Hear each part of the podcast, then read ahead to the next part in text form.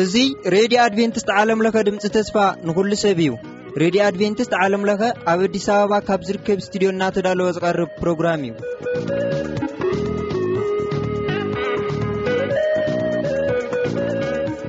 በብዘለኹም ምዃንኩም ልባውን መንፈሳውን ሰላምታና ይብጻሕኩም ንብል ካብዚ ካብ ረድዮ ኣድቨንቲስት ረድዮና። ወድኣዊ ሓቂ ዝብል ትሕዝቶ ኣቐዲምና ምሳና ጽንሑ።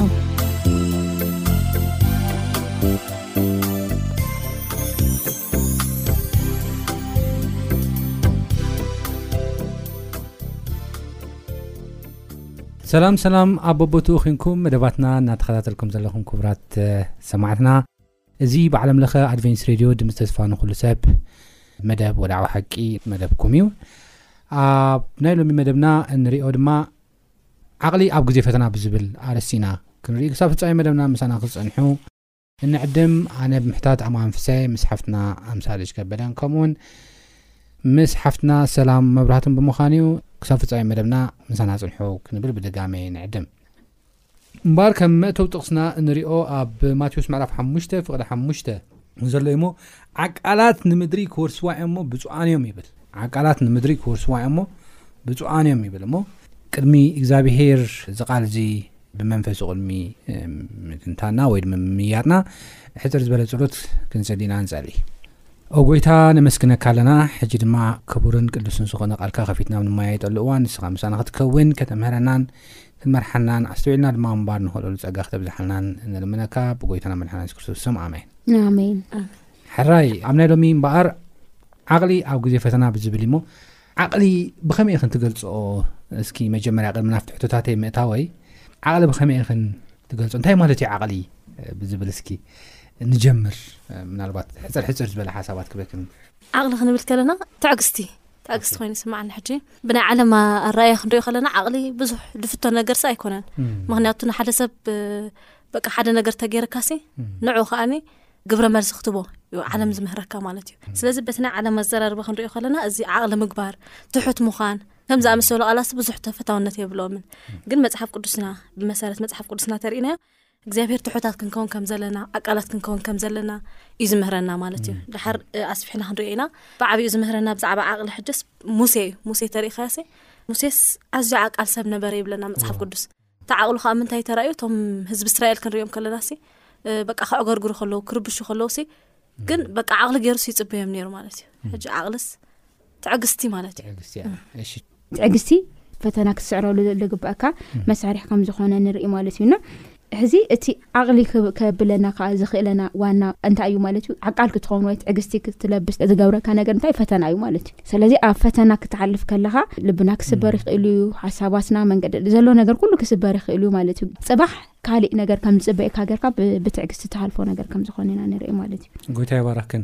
ምናልባት ኣብዚኣ ንእሽተይ ሓሳብ ንምውሳኽ ዓቕሊ ማለት ብኻልእ ኣባህላ ምጽማም ፅምም ክንብል ንኽእል። ምባል ኣለዎ ምጽማም ክትጽመም ከለካ ግን ምጉረምራም ኣይኮን ብዘይ ምጉረምራም ተጸሚምካ ምንባር ምዕጋስ ዝብል ትርጉም ኣለዎ ሕጂ እታ ትስመር ኣላ ቃል ግን ክትዕገስ ከለካ ናጉረምረምካ ኣይኮንካን ትዕገስ ብዘይ ምጉረምራም እትግበር ማለት እያ ሕጂ ከምዚ ዓይነት ብዘይ ምጉርምራም ዝጽመሙ ኣብ ህይወቶም ብዝገጥሞም ፈተና ዝጽመሙ ተጸሚሞም ድማ ተዓጊሶም ድማ ንቕድሚት ዝጓዓዙ ሰባት ኩሎም እንታይ እዮም ዝብል መፅሓፍ ቅዱስ ንምድሪ ክወርስዎ እያ እሞ ብፁዓን እዮም ይበል ዓቃላት ምድሪ ክወርስዎ እዮም ብፁዓን እዮም ክነጉረምርም የብለና ኣብ ዓቕሊ ምጉርምራም የለን ዓቃል ኣያጉረምርምን እዩ ብዙሕ ሰብ ክፅመ ምኽእል ግን ብምጉርምራም ኮምፕሌን እናገበሮም ክንፅመ ምኽእል ኣማራፂ ስለ ዝሰኣንዎም ክፅመ ምኽእል ብዙሕ ሰብ ግን ዓቕሊ ፍልይ ዘብለ እንታይ ብዘይ ምጉርምራም ብዘይ መረረት እትብል ቃል ግን ኣብዚኣ እትስመረላ ሓሳብ እያ ማለት እዩ እምበኣር ናይ መጀመርያ ሕቶይ ክኣቱ እሞ ህዝቅኤል እዩ ህዝቅኤል ኣብ ህዝቅኤል ምዕራፍ 24 ክፍተን ከሎ ኢና ንርኢ ሰበይቱ ሞይታ ገለ እንታይ እዩ እቲ ፈተንኡ ሰብ ይሞተና እዩ ግን እንታይ እዩ እቲ ንህዝቅኤል ዓብዪ ፈተናን ዓብዪ ሽግርን ዝበፅሖ ዓቕሉ ኸ ብኸመይ እዩ ሪፍሌክት ኮይኑ ንምንታይ እኸ ናብዚ ፈተና እዚ ክኣቱ ዝኸኣለ ብርግፅ እቲ መልእኽቲ ናብ ህዝቅኤል ዝመፁ ኣብ ህዝቅኤል ምዕራፍ 24 ከይና ንሪኦ ኣለዋን እግዚኣብሄር እዩ ኢልዎ ንምንታይ እግዚኣብሄር ናብ ከምዚ ዓይነት ፈተና ኣትይዎ እንታይ እቲ ዕላማ ናይ እግዚኣብሄር ከ እንታይ እቲ ፈተና ከት ዝመፅኦ ዝብል ሓሳብ እስከ ንርአ እሞ ኣብዚ ከም ስዓቕሊ ተሓሒዝናስ እንታይ ኢና ንርዳእ ዝብል ሓሳብ እስኪ እቶ ቹቹ ከዓ ሕጂ ብኣኻ ጀመር። እወ ጽቡቕ ኣብ ትንቢት ህዝቅኤል ምዕራፍ ዕስራን ኣርባዕተን ክኣ ዓሰርተ ሓሙሽተ ደሚርና ክንርኢ ከለና እግዚኣብሄር ከምዚ ኢሉ ን ህዝቅኤል ከም ዝተዛረቦ ኢና ንርኢ ከምዚ ይብል ከምዚ ዝብል ቃል እግዚኣብሄር ክኣ መጸኒ ኣታ ወዲ ሰብ እንሆ ንተድላ ኣዒንትኻ ብወግዒ ክምንጥለካ እየ ንስኻ ድማ ኣይትሕዘን ኣይትብከይ ኣይትንባዕ እውን ይብል ማለት እዩ ተድላ ኣዒንትኻ እንታይ ክኸውን ማለት እኮ ስቕ ኢልካ እህህ በል ንምውታት ከም ዝቃለሶም ጌርካ ኣይተልቅስ ርእስኻ ደኣ ብመጠምጠምያ ጠምጥም ኣስዓንካ ኣብ ኣጋርካ ኣእቱ ጭሕምኻ ኣይትኽደን እንጀራ ሓዘንቲ እውን ኣይትብላዕ ይብል ነቲ ህዝቢ እዚ እነሆ ተዛረብክዎ እናበለ ነቲ ህዝቢ ክዛረብ ከሎ ኢና ንርኢ ማለት እዩ እና እግዚኣብሄር ንሰበይቱ መዕረፍ ዓይነቱ ማለት ማለት ብጣዕሚ ዝፎትያ ዓይኑ ኩሉ ነገሩ ዝኾነ ሰበይቱ እዚ ኣብ ህዝቅኤል ትንቢት ህዝቅኤል ምዕራፍ 1ሓ ካብ እስ እስካብ 2ሸ ዘሎ ኣንቢብና ክነብል ከለና 1ሓ ጀሚሩ ስ 2ሸ ማለት 24 ጀሚሩ እና እግዚኣብሄር ንካልኦት ከገልግሉ ካልኦት ሰባት ከገልግሉ ሙሉእ ሂወቶም ኣብ ስቃይ ለሕልፉ ሰባት ብዙሕ ኣብነታት ኣለውና ማለት እዩ ንኣብነት ዚ ሙሴ ክንርኢ ከለና ኣንቶ ክትብል ፀኒሐ ሓፍትና ሰላም ናብቲ ተስፋ ምድሪ ነቲ ህዝቢ ክመርሕ ከሎ እንታይ ይግበር ነይሩ ይሳቀ ነይሩ ዎዶ ይፀርፍዎ ነይሮም ኣሕዋቱ ባላ ሓፍቱ ሓው ተዘይቀረ ኣብ ልዕሊኡ የጉርምሙ ነይሮም እግዚኣብሄር ከዓ ኣብ ክንድኡ ጠጠ እና ሙሴ ብብዙሕ ጭቆና ብብዙሕ በደል ኮይኑ እዩ ነቲ ህዝቢ ይመርሒ ነይሩ ማለት እዩ ዮሴፍ ከዓ ቅድሚ ኣብቲ ዓብዪ ስልጣን ምርካቡ ግን ብሓዋቱ ተገፊኡ ሳብቲ ከይዱ ኣብ ዝነብሮ ቦታ ተገፊኡ ኣብ ማእሰርቲ ኣትዩ ገለገለ ኢና ንርኢ ማለት እዩ ኣብዚ ምግፋዕ እዚ ውሽጢ እግዚኣብሄር እዚ ኩነታት እዚ ከፈቅድ ከሎ ንኦም ጥራሕ ክኸውን ጥራሕ ኣይኮነ ነቲ ካሊእ ኣብ ጥቕኦም ንዘለዉ ሰብነው ሰናይ ክኾኖ ምእንታን ካብኦም ክመሃር ምእንታን እግዚኣብሔር እንታይ ይገብር ነቶም ደቂ እግዚኣብሔር ንዝኾኑ እንታይ ይገብር በቲ መከራ እሱ ክሓልፉ ይገብር ማለት እዩና ሕዚ እንታይ ኢና ንርኢ ንእዝቅኤል እንታይ ክብሎ ከሎና ኒ ዓቕሊ ግበር እንደ ሰበይትካ ወሲዱካስ ካብ ዳሃረ ርእስኻ ከይትብል ከይትላፅሕምካ ከይተብል እግርካ ጫማ ከውፃእካ ከይሓዘንካ ክትሓዘን የብልካ ንኢልዎ ማለት እዩ እዚ ኸኣ ከቢድ ዝኾነ ሕዝቅኤል ዕስራን ኣርባዕተን ዕስራን ኣርባዕተን ክንርኢ ከለና ሕዝቅኤል ከኣ ኣርኣያ ክኾነልኩም እዩ ከምቲ ንሱ ዝገበሮ ዘበለ ኩሉ ክትገብሩ ኢኹም እዚ ምስ መጸ ኣነ እግዚኣብሔር ኣምላኽ ምዃነይ ክትፈልጡ ኢኹም እስራኤል በዚ መንገዲ እዚ ክሓልፉ እግዚኣብሔር ንቅድሚት ዘሎ ጠሚቱ ንህዝቅኤል ከዓ እንታይ ገሩ ኣርኣያ ገይሩ ከም ዝገበሮ ኢና ንርኢ ማለት እዩና ህዝቅኤል ኣርኣያ ምንታን ክኸውን በዚ ዓይነት ምልክት እዚ ክሓልፍ እግዚኣብሔር ከም ዝገበረ እና ንርኢ ማለት እዩና እዚ ነውሐ፣ ሓጸረ፣ ቀልጠፈ፣ ዶንጎየ ኣብ ሒድሒድ ኣብ ሕድሕድ ሰብ ህይወት ልሓልፍ ነገር ኣሎ ማለት እዩ። ብፍላይ ክርስትና ክርስቶስ ኢሉ ዝሓዘ ሰብ እግዚኣብሔር እዚ ነገር እዚ እቲ ሓሳብ እንታይ መወዳእታ እንታይ ክንብል ደሊና ኣርኣያ ህዝቅኤል ሕዚ ንምንታይ እዩ ኮይኑ ክንብል ከለና እግዚኣብሔር ኣምላኽ ብህዝቅኤል ኣቢሉ ነቲ ህዝቢ ልክዕ ህዝቅኤል ከም ዝሓለፎ ነቲ ህዝቢ ክሓልፍ ከም ዘለዎ ከርኢ ደልዩ እዚ ገይሩ ማለት እዩና እግዚኣብሔር ኣብ ሕድሕዴና ህይወት ብካምዚ ኣይነት መንገዲ ይሐልፈና እዩ ንኣና ንበይንትና ተዘይኮነስ ንካልኦት እውን መምሀሪ ክኸውን ማለት እዩ። እግዚኣብሔር ይባርኽኪ ሓፍትና ቹቹ ስለዚ ህዝቅኤል ናይ ፅቡቅ ኣርኣያ ዘይኮነ ነይሩስ ናይ ሕማቅ ኣርኣያ እዩ ነይሩ ማለት እዩ ናይ ሕማቅ ኣርኣያ እዩ ነይሩ ምክንያቱ ንስኻትኩምን ልክዕ ከም ህዝቅኤል ኣወዳትኩምን ኣዋልድኩምን ኣንስትኹምን ክሞታ ከለዋ ንስኻትኩምን ኣይትነብዑን ኢኹም ምንባዕ ትኽልከሉሉ ግዜ ክመጽእ እዩ ጽጉርኹም ምልጻይ ትኽልከሉሉ ግዜ ክመጽእ እዩ መዓስ እዚ ናብ ከለዳውያን ክትማረኹ ከለኹም ወድኻ ጓልካ ቀቲልልካ ቤተሰብካ ቀቲልልካ ከይትበኪ ዝብለካ መንግስቲ ክመጻኩም እዩ በጺሕዎም እዩ ድማ ባቢሎን ናይ ባቢሎን መንግስቲ ንይሁዳ ክማርኾም ከለዉ ኣወዳቶም ኣዋልዶም መጺኹ ቀቲልካ ስቅ በል እዩ ዝብለን ብጣዕሚ ዘሳቅዮም ከቢድ መንግስቲ ከም ዝነበረ ስለዚ ህዝቅኤል እዚ ዓይነት ምስላ ክከውን ከሎስ ንዖኦምሲ ልክዕ ከም ዝብላዕ እንጀራን ከም ዝስተ ወይንን እዩ ኮይኑሎም በቃ ተሳቅዩ ንዖም ከምህር ማለት እዩ ንዖም ከምህርሲ ሰበይቱ ሞይታቶ ኮላ ኣይቲ ኣይትብከ ተባሂሉ ተሸጊሩ ንዖምሲ ዝብላዕ እንጀራን መንፈሳዊ እንጀራን ዝሰተ ከዓ ወይንን እዩ ኮይኑሎም ብጣዕሚ ኣብ ስቃይ ኣትዩ እሞ እዚ ነገር እዚ ንከመሓላለፈሎም ግን ከም ዝኮነ እዩ እግዝኣብሄር ከምኡ በል ኢሉ ተዛሪብዎ ከም ዝነበረ ኢና ንሪኦ ማለት እዩ እግዚኣብሄር ይባርኽኪ ናብቲ ዝቕጽል ሕቶ ነቶ ኣብ ዝቕጽል ሕቶ ከዓ ኣብ ዘጻት ምዕራፍ 32 እዩ እዚ ናይ ኣርባዓ ዓመት ናይ እስራኤላውያን ጉዕዞ ዘመላኽተና እዩ እሞ ኦልሞስት እዚ ሓሳብ እዚ ምናልባት ናይቲ መጽሓፍ ቅዱስ ማእኸል ክንብሎ ንኽእል ኢና እስራኤላውያን ጉዕዞ ሓያሎ ምስ ከዱ ምስ ተጓዕዙ ኣብ መንጎ ሙሴ እቲ ዝመርሓና ዝነበረ ሙሴ ናበይ ከም ዝኸደ ይንፈልጥና ሞ ጣኡ ስራሓልና ክብሉ ከሉ ኢና ንርኢ ሰሪሖም ወርቅኹም ሃቡን ተባሂሎም ሰሪሖም ኣብዚ ናይ እግዚኣብሄር ሓይልን ቁጥዐን ኢና ንርኢ ሰላም ሓፍትና እሞ ብሓቂ እግዚኣብሄር ንህዝቡ ስለዘይሓሊ ከጥፍኦሜ ሓጢኣቶም ስለዘይፈልጥ እዩ ከጥፍኦሜ ከምዚ ክገብር እየ ብሓቂ ናይ እግዚኣብሄር ባህሪ ብኸመይ ተገሊፁ ዘለዎ ንምንታይ እዩ ከጥፍኦ ንዕኻ ግን ስምካ ዓበ ክገብረካ እየ ናይ እግዚኣብሄር ዘረባ ብኸመይ ክትዕዘብዮ ካልኣይክ ናይ ሙሴ መልሲ ብሓቂ ኣብዚ ሙሴ ከም ዓቃል ከም ሓላዪ ከም ትሑት ኮይኑ እዩ ዝረአ እግዚኣብሔር ከዓ ከም ሓራቕ ኮይኑ እዩ ዝረአ ከመይ ኢኺ ትዕዘብዮ እዚ ዘረባታት እዚ ሙሴ እንታይ ኢሉ እዚኣሲ ናይ ሙሴ መርመራ እያ ነይራ በቃ ንሙሴ ሲ እግዚኣብሔር ሲ ባዕሪ ክንደይ ፍቕሪ ከም ዘለዎ ስክሪኦ ስለ ዝደለ ኣብ ቅድሚ ሰብ ማለት እዩ ንኣብቶም እስራኤላውያን ዘለዎ ፍቕሪ ንምምርማር እዩ ማለት እዩ እንደገና እውን ኣብዚ ትምህርቲ ሰንበትና ውን ተርእና እንታይ ብለና ሰማያት እውን ኣብ ሰማይ ዘለዉ ፍጡራን ውን መላእኽቲ ውን ንባዕሉ ፍቕሪ ናይ ሙሴ መታን ክርእዩ እዩ እግዚኣብሄር ከምዚ ገይሩ ይብለና ማለት እዩ ስለዚ ሲ ናይ ሙሴ ፍቕሪ እዩ ዘረዳእና ኣብ ዝተርእኻያ ማለት እዩ ሙሴ ሲ ዓብ ህዝቢ ክገብረካ ኢልዎ ምሽ ዶ እዚ ዓብ ነገር እዩ ንሙሴ ግን ሙሴ ብዛዕባ ርእሱ ጥራይ ዘይኮነ ዝሓስብ ዘሎ ብዛዕባ እቲ ካብ ግብፂ ዝወፀ ህዝቢ እውን ክሓስብ ከሎ ኢና ንርኢ ማለት እዩ ንድሕዳእተን ጥቕሲ ክነንብበን ፈቲና ማለት እዩ ኣብ ዘፃ ሰላሳን ክትከን ሸሞንተ ዘሎ ስታይ ኣለና ኣብቲ ዝኣዘዝክዎም መንገዲ። ግን ብርግጽ እግዚኣብሔር ኣይሓዘነን ነይሩ ክንብል ንኽእል? ንሙሴ ጥራሕ ሓዚኑ፣ ንፈተና ተባሂሉ ጥራይ እዩ። ሓዚኑ፣ ሓዚኑ። እወ፣ ኣብዚኣ ፍቕዲ ሸሞንተ እውን እ፣ ክንሪኣ እሞ፣ ኣብቲ ዝኣዘዝክዎም መንገዲ ብእኡ ኣግለሱ፣ ምራኽ ፍስሲ ገበሩ፣ ሰገዱሉን ሰውኡሉን ከኣ። ወእስራኤል፣ እቶም ካብ ምድሪ ግብጺ ዘደየቡኻ ኣማልኽትኻ እዚኦም እዮም ድማ በሉ ይብለና። ስለዚ ካብ ምድሪ ግብፂ ዘውፅኦምሲ እግዚኣብሄር ምዃኑስ ይፈልጥዎ እዮም ቀሕ ባሕሪ ከፊሉ ከም ዘውፅኦምሲ ሪኦም እዮም ብዓይኖም ግን እዞም ህዝቢ እዚኦም እንታይ ክብሉ ንሪኦም ኣለና ካብ ምድሪ ግብፂ ዘደይቡካ ኣማልኽትኻስ እዚኦም እዮም ኢሎም ንኣምላኽ ክክሕድዎ ከሎ ኢና ንርኢ ማለት እዩ ስለዚ እግዚኣብሄር ግድን እዩ ክሕርቆ እዚ ምክንያቱ ካልኦት ኣማልኽቲ እቲ እግዚኣብሄር ዝገበረሎም ነገር ገዲፎምሲ ኣብ ካልኦት ኣማልኽቲ ከመስግኑ ከሎ ክውከሉ ከለዉ ኢና ንርኢ ማለት እዩ ሽዑ እግዚኣብሄር ድማ ንሙሴ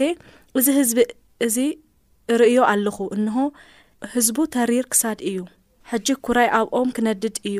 ክውድኦም ሕደገኒ፣ ንኣኻ ድማ ዓቢ ህዝቢ ክገብረካ እየ፣ በሎ ይብለና። ስለዚ ከብዝሖ ምዃኑ እዩ ቃል ኣትዩሉ ማለት እዩ። ግን ሙሴ ኸኣ እንታይ ኢልዎ፣ ሙሴ ግና ኣብ ቅድሚ እግዚኣብሄር ኣምላኹ ከምዚ ኢሉ ተማህለለ፣ ወእግዚኣብሄር፣ ስለምንታይ ኵራኻ ኣብዚ ብዓቢ ሓይልን ብጽንዕቲ ኢድካን ካብ ምድሪ ግብጺ ዘውጻኻዮ ህዝቢ ይነድድ፣ ከመይከ ግብጻውያን ካብ ኣኽራን ክቐትሎም ካብ ገጽ ምድሪ ከኣ ከጽንቶም ንመከራ ኣውጽኦም ኢሎም ዝዛረቡ ካብቲ ነዳዲ ኩረኻ ደኣ ተመለስ ካብቲ ንህዝብኻ እትገብሮ ዝሓሰብካ ክፉእ ከኣ ተጣዓስ ክብሎ ከሎ ንርኢ ማለት እዩ ስለዚ ግብረ መልሲ ናይ ሙሴ ተሪእኻዮስ ንእግዚኣብሔርስ በቃ ክጣዓስ እዩ ዝነግሮ ነይሩ ግብጻውያንከ እንታይ ክብሉ እዮም እቲ ንኣብርሃም ንይስሃቅ ንእስራኤልን ዝኣተኻሎም ኪዳንከ እንታይ ኪኸውን እዩ? ከም ከዋኽብቲ ከብዝሖም እየ ዝበልካዮ ዝመሓልካሉ ህዝቢኸ እንታይ ኪኸውን ኢሉ ኣብ ቅድሚ እግዚኣብሄር ኪዛረብ ከሎ ኢና ንርኢ ማለት እዩ። ደሓር ኣብ ፍቕዲ ዓሰርተ ኣርባዕተ ተሪእና እንታይ ይብለና? ነቲ እግዚኣብሄር ከኣ ካብቲ እግዚኣብሄር ድማ ካብቲ ንህዝቡ ኪገብሮ ኢሉ ተዛሪብዎ ዝነበረ ክፉእ ተጣዕሰ ይብለና ማለት እዩ። ስለዚ ሙሴሲ ኣብ መንጎ እግዚኣብሄርን ኣብ መንጎ እስራኤላውያን ኮይኑ ከማልደሎም ከሎ ኢና ንርኢ ማለት እዩ። ካብ እግዚኣብሄር መልእኽቲ ዘመሓላልፍ ንሕና ከይንመሓላለፍ እንዲና ኢሎም ነታ ዝተመርዓዋ ኢትዮጵያዊት ምእታው ንባዕሉ እወ ኣይተቐበልዎ ዓሰርተ ክልተ ኣይተቐበልዎ ኣይተቐበልዎን ብከምኡ ሕጂ ከምኡ ኢሎም ብዛዕባኡ ሕማቕ ክዛረቡ ከለዉ እግዚኣብሄር ከዓ ንምርያም ምስ ቀፅዓ ሙሴ ግን በቃ ክፉእ ብዛዕባኡ ተዛሪባ እያ ብዛዕባኡ ሕማቕ ነገር ኢላ እያ ግን ሙሴ ካብ እግዚኣብሄር ምሕረት ክልምነላ ከሎሞ ክትሓዊ ከላ ኢና ንርኢ ማለት እዩ ስለዚ እዚስ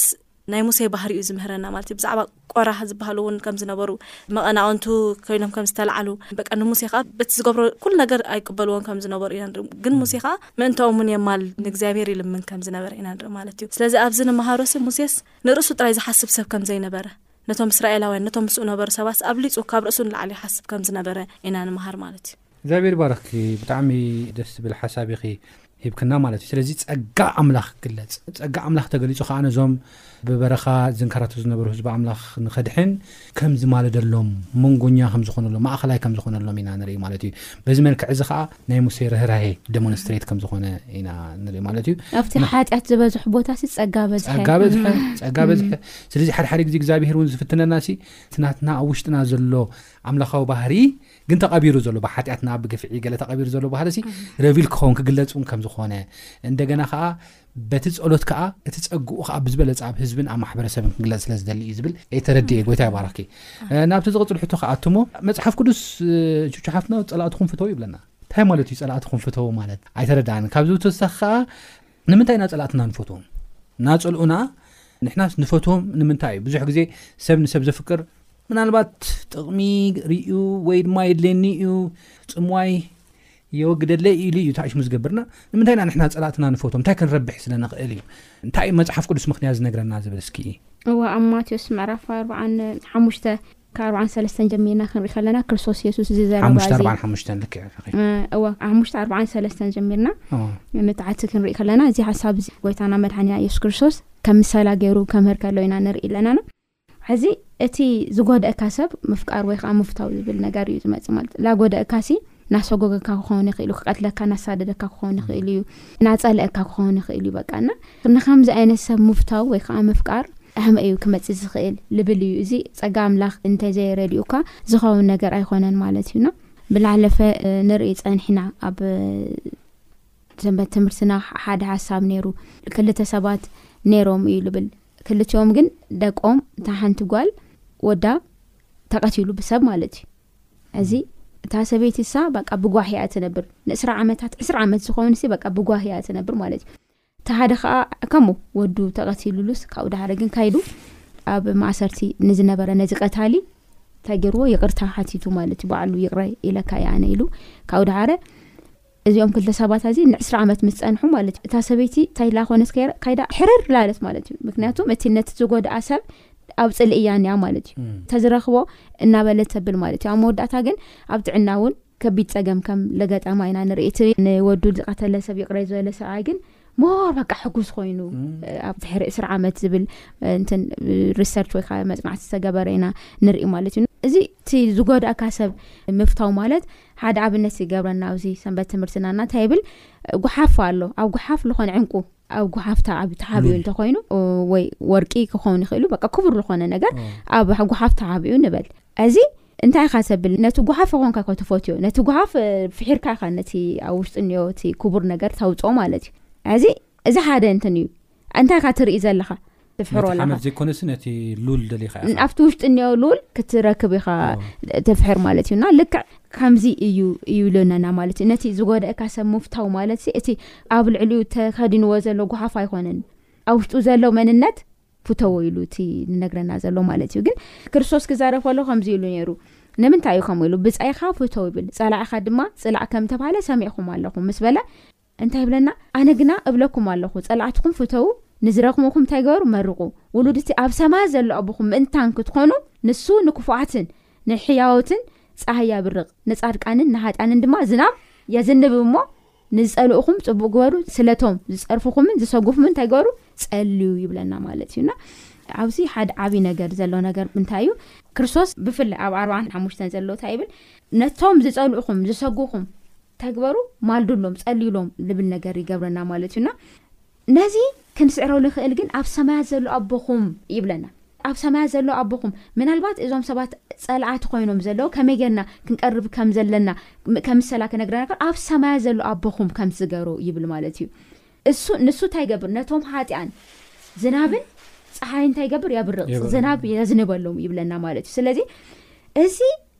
ኣብ ህይወትና ብዙሕ ግዜ ሽግር ክፈጥሩና ዝኽእሉ ሰባት እንታይ ክንገብር ከም ዝግበእና ኣብቲ ከምቲ ኣብ ሰማያት ዘሎ ኣቦ ብምርኣይ ጸላእትኻ ፍተው ይብል ማለት እዩና ሕዚ ንኦም ኣብ ዝስምዐና ስምዒት ኣይኮነን እቲ ዋና ሓሳብ ማለት እዩ ንኦም ኣብ ዝስምዐና ስምዒት እንተዘይኮነስ ንኦም ኣብ ዘለና ተግባር ስምዒት እንተዘይኮነስ ኣብቲ ተግባር ዝተወሰነ ነገር ክንገብር ይነግረና ማለት እዩ እና ኣብ ሓሙሽተ ኣርባዓን ሸሞንተን ኣብ ሰማይ ዘለኹም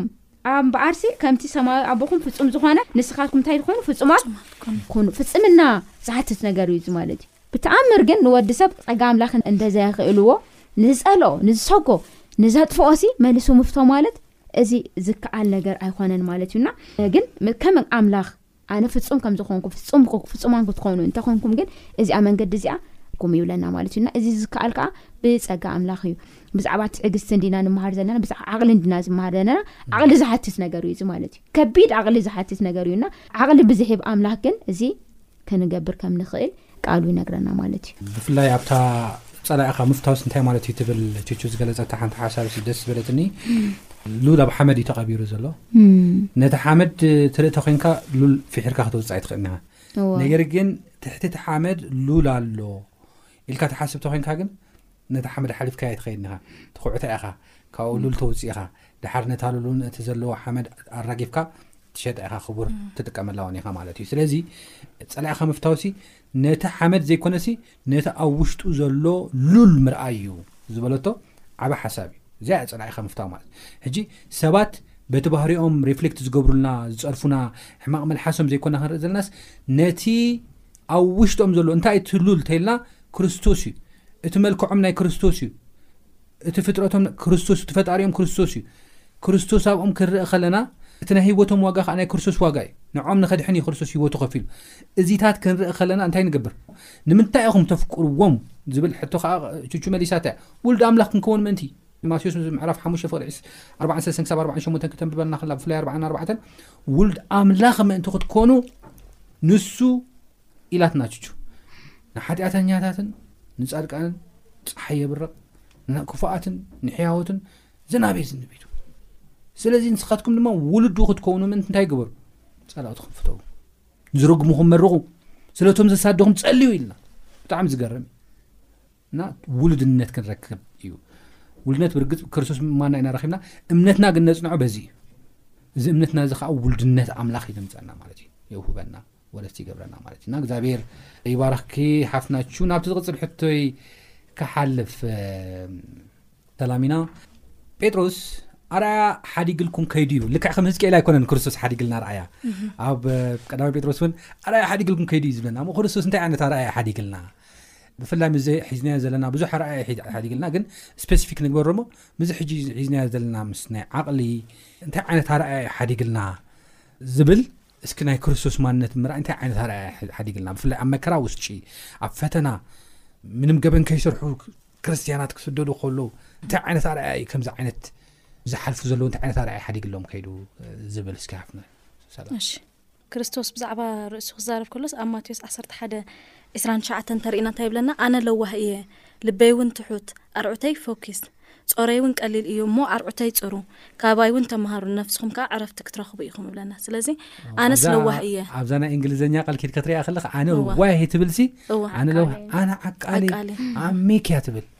እዋ፣ እሺ እዋ ሕጂ ክርስቶስ ብጣዕሚ ብዓቕሊ እዩ ሓሊፉ እቲ ናይ መስቀል ጉዕዞ ተሪኢኻያ ማለት እዩ። መጀመርያ ክርስቶስ መን እዩ ክንብል ከለና ክርስቶስ ኣምላኽ እዩ። ኣምላኽ ከሎ ስልጣኑ ገዲፉ ናብ ምድሪ ክመጽእ ከሎ ኢና ንርኢ ማለት እዩ። እንደገና ጸርፊ ክዕገስ ከሎ እቶም በዓል ጲላጦስ ውን ክባጭውሉ ከለዉ ክዛረብዎ ከለዉ ውን ምንም መልሲ ከይሃበ በቃ እታ እግዚኣብሔር እታ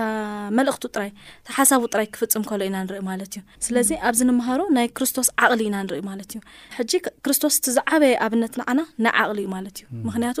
ዓቕሊ ገይሩ ክሳብ ስልጣኑ ገዲፉ ክሳብቲ ትሑት ምዃኑ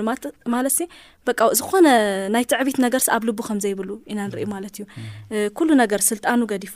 ኣምላኽነቱ ገዲፉ መፅኡ ምእንታና ክመውት ከሎ ኢና ንርኢ ማለት እዩ ስለዚ እዚ ከዓ እንታይ የርእየና ትሕትና ስለ ዘለዎ ኢና ንምሃር ካብኡ ማለት እዩ እንደገና ኣብ ቀዳማይ ጴጥሮስ ክልተ ዓሰርተ ሸሞንተ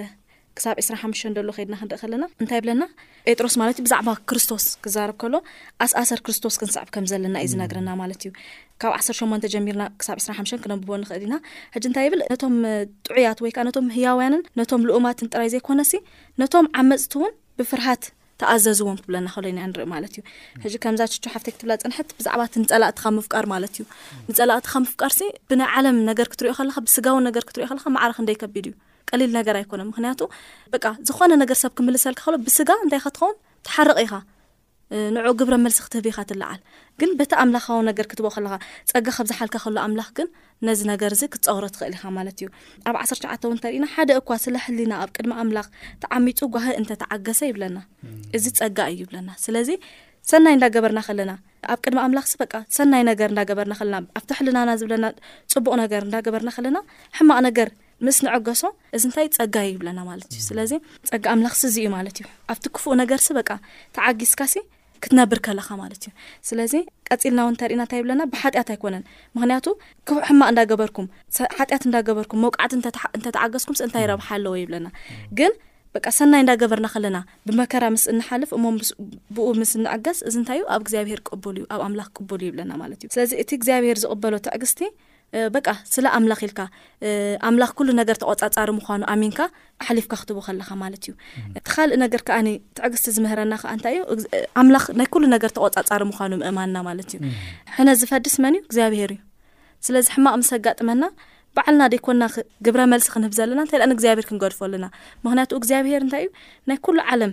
ተቖጻጻሪ እዩ። ኩሉ ነገርሲ ኣብ ኢድ ኣምላኽ እዩ ዘሎ። ስለዚ ኩሉ ነገር ኣብ ኢድ ኣምላኽ ክሳብ ዘሎ እቲ ንዓና ዘጋጥመና ዘሎ መከራ ውን ኣብ ኢዱ እዩ ዘሎ ማለት እዩ ስለዚ ነቲ መከራና ነቲ ሕማቅ ነገር ናብ ሰናይ ክቅይሮ ይክእል እዩ ማለት እዩ ስለዚ ኩሉ ነገር ኣሕሊፍና ንእግዚኣብሔር ምስ ንህቦ ብመከራ ክንሓልፍ ከለና እንታይ ኢና ንከውን ንሃድእ ኢና ምክንያቱ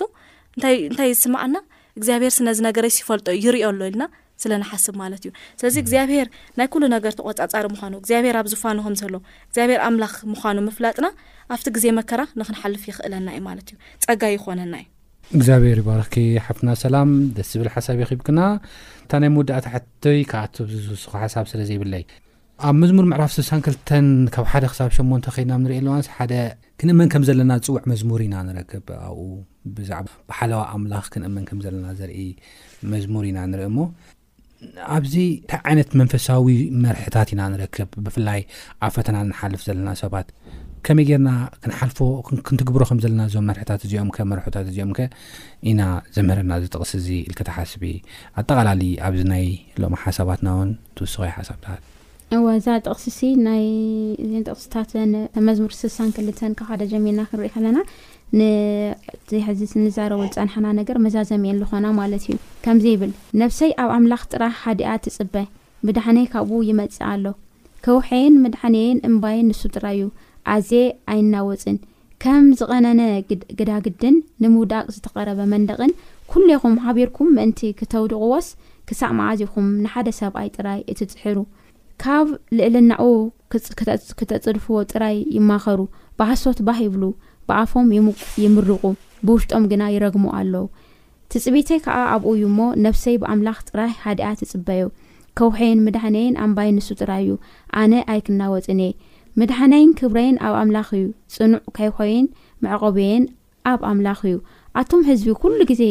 ብእኡ ተወከሉ፣ ልብኹም ኣብ ቅድሚኡ ኣፍስሱ፣ መዕቆቢና ኣምላኽና እዩ ይብለና ማለት እዩ። ሕዚ እዚ መዛዘሚ ኢሉ ኸም ማለት እዩ። እንታይ እዩ እቲ ናሰብ ሓቐና ማለት እዩ፣ እቲ ወዲ ሰብ ኣብ ልቡ ክፉእ ሓሳብ እዩ ዘሎ። ካብቲ ተግባራቱ እቲ ክፉእ ሓሳቡ ከኣ ኣብ እንታይ እዩ ዝገብር ኣብ ተግባራቱ እዩ ዘውዕሎ ማለት እዩና ሕዚ ብዝኾነ ምክንያት ሰባት ጸላእትና ክኾኑ ይኽእሉ እዮም ብዝኾነ ምክንያት ማለት እዩ ካብኡ ግን ኣብ ገዛ ዋላ ብሓደ ላምለካ ብሓደ ላጸለኻ ብሓደ ላበልዓኻ ብሓደ ላሰተኻ ትንስ ኢሎም ጸላኢኻ ክኾኑ ይፍለጥ እዩ ማለት እዩ። ኣብ ዝኾነ መንገዲ ሰብ ጸላኢኻ ይኾን እዩ፣ ጎረቤትኻ ክኾን፣ ሓውካ ብዝኾነ መንገዲ ጸላኢኻ ክኸውን ይኽእል እዩ ማለት እዩ። ግን ዳዊት ሰዚስ ንጉስ እዩ ነይሩ ወዶ በቲ ሽዑ ግዜ ሓይለይ ኣይኮነ ኢሉ ማለት እዩ። ኣነ ክእለተይ ኣይኮነ ኢሉ ብርቱዕ ምዃነ ኣይኮነን ኢሉ ማለት እዩ። እንታይ ኢሉ ኣነሲ ነብሰይ ኣምላኽ ጥራሕ እንታይ ትግበር ህድእ ትበል ትዕግስቲ ትግበር ኣቕሊ ትግበር ኣምላኸ ኮይነ ከዓ ትፅበይ እቲ ነገራተይ ኣምላኸ ክገድፍ እየ ይብል ማለት እዩ ኣብቲ መብዛሕ ኣቱም ህዝቢ እንታይ ግበሩ ኩሉ ግዜ ኣብ ኣምላኽ ታይ ግበሩ? ተኣመኑ። ተወከሉ፣ ብእኡ ተወከሉ፣ ልብኹም ኣብ ቅድሚኡ ኣፍስሱ፣ መዕቆብና ኣምላኽና እዩ ይብሉ ማለት እዩ። ስለዚ ኣምላኽና መዕቆቢ እንተዘይገይርና ብባዕልና ንኽእሎ ኣይኮነን። እዚ ትዕግስቲ ዓቕሊ ኢልና እንዛረብ ከለና ብባዕልና ንከኣል ነገር ኣይኮነን። እቲ ዓቃላት ምድሪ ክወርሱ እዮም ኢሉ ዝተጻሓፈ ብእግዚኣብሔር ክእለት፣ ብእግዚኣብሔር ሓይሊ፣ ብእግዚኣብሔር ጸጋ እዩ። ባዕሉ እቲ ዓቕሊ እውን ዝመፅእ እና ሰባት ብዝተፈላለየ መንገዲ ክወግኡና ከጥፉና በቃ ክቀትሉና ዋላ እንተመፅኦም እቲ ዓቕሊ ኣብ ዝህብ ኣምላኽ ሃድኢና ተፀቢና ክንስእሮ ከም ንኽእል እዚ ሙሉእ ሂበና ማለት እዩ። እግዚኣብሔር ይባርኽኪ ሓፍትና ቹቹ። ክቡራት ሰማዕትና ዓቕሊ ኣብ ፈተና ብዝብል ዝረኣናዮ ኣርእስቲ በዚ ንዛዝም። ከም ዝከር ዓቕሊ ማለት ኣብቲ ዝመጸካ ፈተና ብትዕግስቲ ከየማረርካ ከየጉረምረምካ ተጸሚምካ ምጽባይ ምሕላፍ እዚ ማለት እዩ ስለዚ ከምዚ ዓይነት ህይወት ዘለዎም ዓቃላት ንምድሪ ክወርስዋ እዮም ዝብል ከኣ ኢየሱስ ክርስቶስ ተዛሪብና እዩ እዚ ኸዓ ከም ዝከኣል ኣብ የሱስ ክርስቶስ ህይወት ርኢናዮ ኢና ኣብ ነቢያቱን ኣብ ደቀ መዛሙርቱን እውን ርኢናዮ ኢና ከም በዓል ሙሴን ህዝቅኤልን ዝኣመሳሰሉ ሰባት እዚ ከዓ ንሕና ንኽእሎ ኢና ዘይከኣል ኣይኮነን እሞ እግዚኣብሄር ዓቃላት ክንከውን ይሓግዘና ይርዳእና እናበልና ንዘለኩም ሕቶ ወይ ርእቶ ግን በቲ ልሙድ ኣድራሻና ናብ ዓለም ለኸ ኣድቨንስ ሬድዮ ድምፂ ተስፋ ንኹሉ ሰብ ቁፅሪ ሳፅን ፖስታና 145 ኣዲስ ኣበባ ኢትዮጵያ ወይ ድማ ቁፅሪ ስልክና